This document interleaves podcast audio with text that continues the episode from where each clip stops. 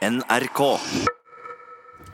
Hva er norsk, Ugo Fermarello? Det kan være så mangt. Men det er ikke alltid alle blir forstått, og vet du hvorfor? Eh, nei. Det kan være mange grunner, tenker jeg. Ny teknologi, f.eks.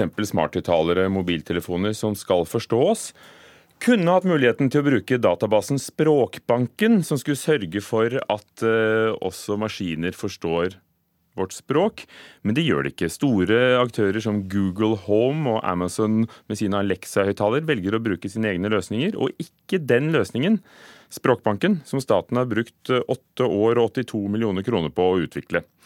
Og i en rapport som kom nå, får Språkbanken kritikk for ikke å ha fungert som den skulle. Det overgir kontrollen over nettopp det norske språket til de store selskapene, og det mener teknologidirektøren i selveste Microsoft Norge. Jeg har kjempeproblematikk jeg. Eh, hjemme, hjemme i huset med de enhetene vi har hjemme. Så skjønner de ungene mine som snakker østlandsk mye bedre enn den skjønner meg. Det sier Microsoft Norges teknologidirektør Shaza Drana. Men slik skulle han egentlig ikke hatt det. Med Språkbanken i 2010 bygget regjeringen en offisiell database for norsk språk. Den skulle bl.a. sørge for at teknologiske nyvinninger som dagens smarthøyttalere forstår den norske dialektfloraen. Uansett om du snakker Finnmarking. Sørlandsk. Eller bergensk. Men åtte år og 72 millioner kroner senere må Microsofts teknologidirektør konstatere at Språkbanken ikke har fungert som planlagt. I stedet for å gjøre uttak i en offisiell norsk språkbank, bruker ledende teknologiselskaper som Google og Amazon egne databaser for å gjøre smarthøyttalerne norskspråklige. Og det er jo litt synd, da, for vi har da investert allerede i noe som vi nå har et behov for å revitalisere. Sånn at det blir det offisielle Norges digitale språkbank, og ikke bare noe som da støver ned. Det kommer frem i en rapport fra Språkutvalget, der Rana har sittet. Til neste år kommer ti nye millioner inn i Språkbanken fra statsbudsjettet. Til sammen har det offentlige da brukt 82 millioner kroner på Språkbanken over åtte år. Men det er ikke bare millioner som har gått tapt på at teknologigigantene ikke bruker Språkbanken. Det kan også gå utover utviklingen til språket vårt, sier Rana. Språkteknologi, den premissgiveren som, som, som, definerer det norske språket, jo, bør jo være norske stat og, den, og, de, og de, norske innbyggerne. For vi har et mangfold av språk, av dialekter. Det må ivaretas i det digitale rommet da, i en eller annen form. Og da må vi ikke havne der at vi må snakke normert bokmål for at eh, maskinene skal eh, forstå hva jeg sier for noe. Det er Nasjonalbiblioteket som forvalter Språkbanken. Og nasjonalbibliotekar Aslak Sira Myhre sier seg enig i konklusjonen til Språkutvalget. Uh, og Derfor har vi òg et prosjekt som vi har bedt om penger til sammen med Språkrådet for å få en økt satsing på språkteknologi. Myhre sier det nå må jobbes for å få Språkbanken ut til teknologiutviklere både nasjonalt og internasjonalt. Det er ingen tvil om at vi trenger å komme i bedre kontakt med utviklermiljøene der ute. Og Det har vi òg sett at vi har en god dialog med forskningssektoren, en god dialog med offentlig sektor. Men at utviklermiljøene i privat sektor må vi angripe annerledes. og Det har vi òg tenkt å sette i gang med nå framover. Men Myhre er samtidig kritisk til rapportens kunnskap om Språkbanken. Dessverre så er det sånn at uh, det som står ellers om Språkbanken i denne rapporten, bærer preg av uh, lite kunnskap om det vi gjør. Uh, vi har måttet rette opp en del feil allerede, og det ser ut for oss som at man ikke har fått med seg hoveddelen av virksomheten til Språkbanken. I et tilsvar skriver Språkutvalgets leder Unn Røyneland til NRK at noen endringer i faktaopplysningene om Språkbanken ikke gjør utvalgets konklusjon mindre gyldig. Shazad Rana sier debatten om Språkbanken ikke må handle om å finne syndebukker, men å bestemme hva slags rolle Norge skal ta i utviklingen av vårt eget språk. Hva er det vi skal gjøre? Strengt tatt så har det vel ikke noe hensikt å putte på enda mer penger på noe som ikke fungerer. Jeg tror det har mer med hvilken rolle ønsker vi å ta i 2018. Vil vi ha den rollen? Og et nei, så lenge det er et bevisst nei, så er det fair nok, det. Men da tror jeg faren er at det er ikke vi som definerer det norske språket, det norske språklige mannfoldet hos de globale teknologiaktørene sa teknologisjefen i Microsoft Norge Shazad Rana til vår reporter Øystein Tronsli Drabløs. Agnes Moxnes, kulturkommentator i NRK. Store spørsmål. Hvem skal utvikle språket vårt og bestemme det? Ja, Det er jo til syvende og sist politikernes ansvar, det altså. Og, og, politikerne har jo, det er jo helt tydelig, det at de har jo likt denne veldig gode og fremtidsrettede ideen det faktisk var å lage en digital språkbank. Politikerne har bevilget over 80 millioner kroner fra 2010 og gjort denne språkbanken i prinsippet helt gratis og tilgjengelig for absolutt alle over hele verden. Så det må jo være et skikkelig nederlag da, når disse teknologigigantene som Google og Amazon ikke virker det særlig sporinteressert, er kanskje å ta litt hardt i, men altså ikke er, virker interessert i, i, det materialet. For der kunne de hentet materialet helt gratis, som ville gjort at maskinene lettere kunne forstått f.eks. For rogalandsdialekt og andre måter å, å si ord på. Men kan vi tvinge dem? Er vi i ferd med å overlate overlate kontrollen over språket til store giganter? Ja, jeg er egentlig det. Iallfall er dette et faresignal. Da, for det går jo unna. Vi vet jo det at julegaven under veldig mange trær i juletrær i år kommer til å være en, en såkalt smarthøyttaler. Eh, og, og Språkbankens tanke har jo vært at disse høyttalerne skal forstå alle, uansett hva slags dialekt Eh, man snakker. Og det er jo veldig corny. Man kan jo se for seg liksom at finnmarkinger og trøndere og setesdøler nå eh, fra nå av står hjemme i husene sine og knoter på et slags normert bokmål når de har da får denne nye samtale, samtalepartneren inn i hjemmet sitt. Og det er klart at det gjør noe med, med språket vårt. Noen selskaper har brukt disse tjenestene, men nasjonalbibliotekaren sier at han kan ikke røpe hvem det er, for de har villet holde det hemmelig. Men, men, hvor alvorlig er det at skal vi si, de største, de, de som er mest offentlig kjent, ikke, ikke gjør det? Altså, Vi har jo betalt 80 millioner kroner for å unngå, unngå at nettopp dette her eh, skjer. Eh, unngå at det skjer som skjer nå. Eh, unngå at det er maskiner som styrer språkutviklingen. Og så kommer vi altså til det teknologiske øyeblikket i verdenshistorien at denne banken virkelig kan vise hva den duger til, og så blir den ikke brukt. Og da er det jo noe som har gått galt ideen om en språkbank kom allerede for ti år siden. De, har jobbet med den siden 2010. Hva er gått galt? Nei, Så langt så vet vi jo egentlig ikke det. Det kan jo være en kombinasjon av at Nasjonalbiblioteket ikke har vært nok på hugget og ikke fulgt helt med i timen. Eh, og så i tillegg da at de internasjonale gigantene på sin side de tenker effektivt, de tenker strømlinjeformet, eh, de tenker at de har ikke noe ansvar for eh, altså nasjoners språkutvikling. De behandler språk, alle språk helt likt, uavhengig av om man har en tilgjengelig språkbank eller ikke. Er det en sak for kulturministeren?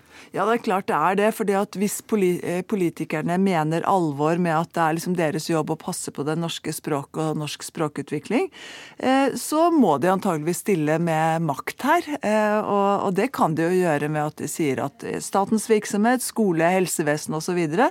kun tar i bruk språkteknologiske nyvinninger som har bakt inn norsk språk i all sin mangfold. Mm mener kulturkommentator Agnes Moxnes her i NRK.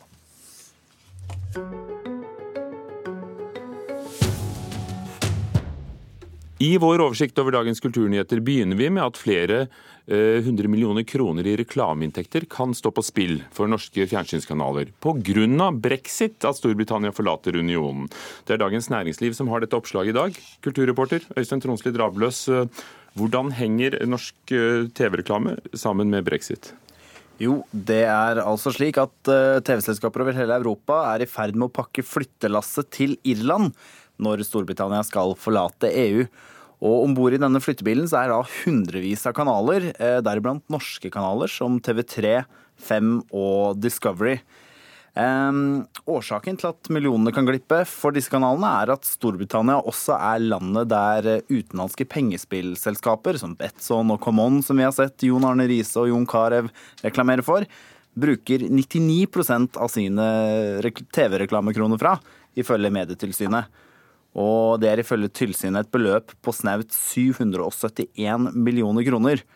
Og det man frykter er altså hva som skal skje med Londons posisjon som knutepunkt for disse TV-selskapene som sender eh, fra London, når statsminister Theresa May begynner å løfte eskene ut av EU.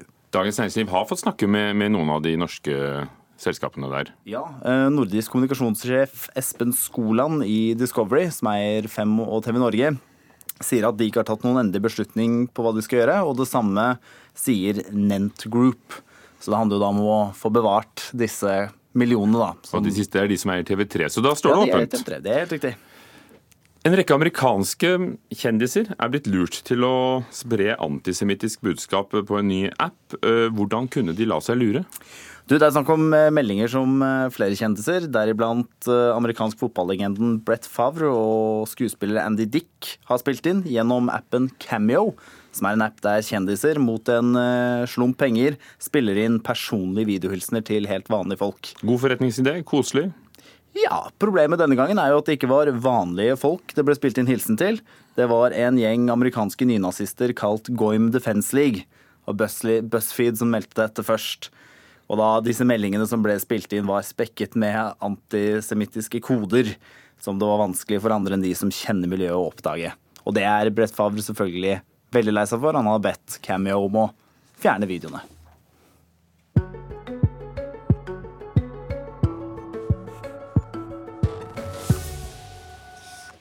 En helt egen verden, sa vi i innledningen her. Mona Pali Bjerke, kunstkritiker i NRK, god morgen. God morgen. Det handler om kunstner Hanne Friis, som har en ny utstilling på Trafo kunsthall i Asker. Hva gjør at du vil trekke frem Hanne Friis? Jo, jeg syns dette er en av våre aller mest interessante tekstilkunstnere.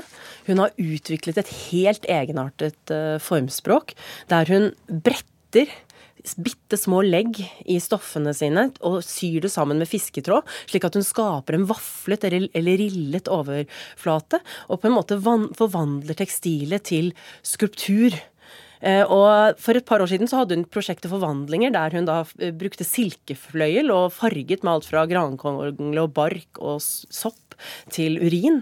Eh, Men hun har jo da også fått veldig mye oppmerksomhet for den skulpturen hun lagde til Vi lever på en stjerne, denne utstillingen vi hadde i forbindelse med 22. juli i 2014, der hun skapte et kjempestort, altså 250 kilos tung tekstilskulptur av olabukser. Vi snakker om skulpturer Det gjør vi. i, høyest, En- i hvert hvert fall tre dimensjoner. Ja, et hybrid-type prosjekter hvor, som er blanding av skulpturer og tekstiler. Trafo kunsthall i Asker eh, har Hanne Friis nå. Hva viser hun? Ja, Denne gangen så er det ikke silkefløyel, men lerretsduk. Og her har hun da skapt opplevelsen av en slags undersjøisk verden med mektige tekstilskulpturer som på en måte minner om skjell eller koraller eller vannvirvler eller tang. Og de henger fra taket og gir en følelse av at vi er på havets bunn og ser opp mot havoverflaten langt der oppe. da. Og skulpturene går jo da i blått og øh, sort og i hvitt. Og en av skulpturene er skinnende hvit og minner om en veldig konkylie. Man kan også se inn, inn på innsiden. da. Hvordan ser det ut der? Ja, Skulpturene er da tvunnet inn i spiralformer, og spiralen er jo et grunnprinsipp, eh, konstruksjon innenfor både biologi og botanikk. Eh, og vi finner jo også spiralen i det menneskelige DNA, så det er jo nesten bilde på et slags vekstprinsipp. Og skulpturene hennes har jo noe veldig kroppslig og noe veldig levende. Eh, og må, både da med referanser til naturen, men også kan det minne om indre organer, og noe veldig sånn fysisk. Og vi får denne spennende brytningen mellom noe vi opplever nesten har vokst frem av seg selv og blitt til, og noe som da helt klart er eh, skapt som eh, kunstverk. Og så er det denne vekslingen mellom noe hardt, forstenet, sklerotisert, og der hvor plutselig stoffet løsner og blir til stoff i myke folder. Hvor, hva vil hun si med arbeidene? Eller er det gåtefullt for deg? Det er gåtefullt, og er, hun har aldri et sånt helt tydelig budskap. Hun uttrykker noe abstrakt gjennom komposisjon og farge. Og denne gangen så tenker jeg jo at eh, fordi det har dette undersjøiske, dette veldig heftige liksom naturreferansene, at man kanskje kunne gjort enda mye mer ut av det. Men det er jo fordi det er så flott at jeg tenker det. At man kunne brukt f.eks. teatralsk lys til å aksentuere denne undersjøiske, nesten uhyggesvangre stemningen som disse skulpturene har. Forstår vi deg rett, Mona Palle-Bjerke? Dette er en utstilling de som kan, bør få med seg? Eller i hvert fall også få sett Hanne Friis sine arbeider på en eller annen måte? Helt, helt klart. Dette er et helt egenartet uh, kunstprosjekt. Hun er en kunstner. Hver gang jeg skal beskrive det på radioen, så slår det meg hvor vanskelig det egentlig er å beskrive styrken i dette prosjektet. Verkene hennes er både liksom besettende vakre, men også nesten ekle i den der fysiske, den kroppslige opplevelsen som man eh, får ved dem. Dette er et kunstnerskap man bør stifte bekjentskap med, og man har altså en god mulighet til å se nye arbeider nå på Galleri Trafo i Asker. Til og med 6. januar, eh, Hanne Friis heter kunstneren. Mona Palle Bjerke. Oppmerksomme lyttere av P2 har fått med seg at du har en fast spalte i Studio 2 eh, annenhver uke. I ettermiddag skjer det igjen. Mona og den eldre kunsten. Hva er tanken, og, og hva er den eldre kunsten i dag? Ja, altså Her prøver jo jeg ut eh, teorier, av og til litt spesielle teorier, eh, på spisskompetente eksperter. Og i dag så skal vi snakke om lyden av Stonehenge, altså dette monumentet i Syd-England. Og man har jo gravd, man har forsket, man har grublet og stirret på dette gåtefulle monumentet. Eh, men det jeg skal stille spørsmål om i dag, er jo om man burde lukket øynene og lyttet. For det er veldig spesielle lydforhold i Stonehenge. Og vi får besøk av Christopher Prescott som er eksperten. Han er arkeolog. Mona Palle Bjerke, takk skal du ha. Det var det vi rakk i Kulturnytt her i Nyhetsmorgen.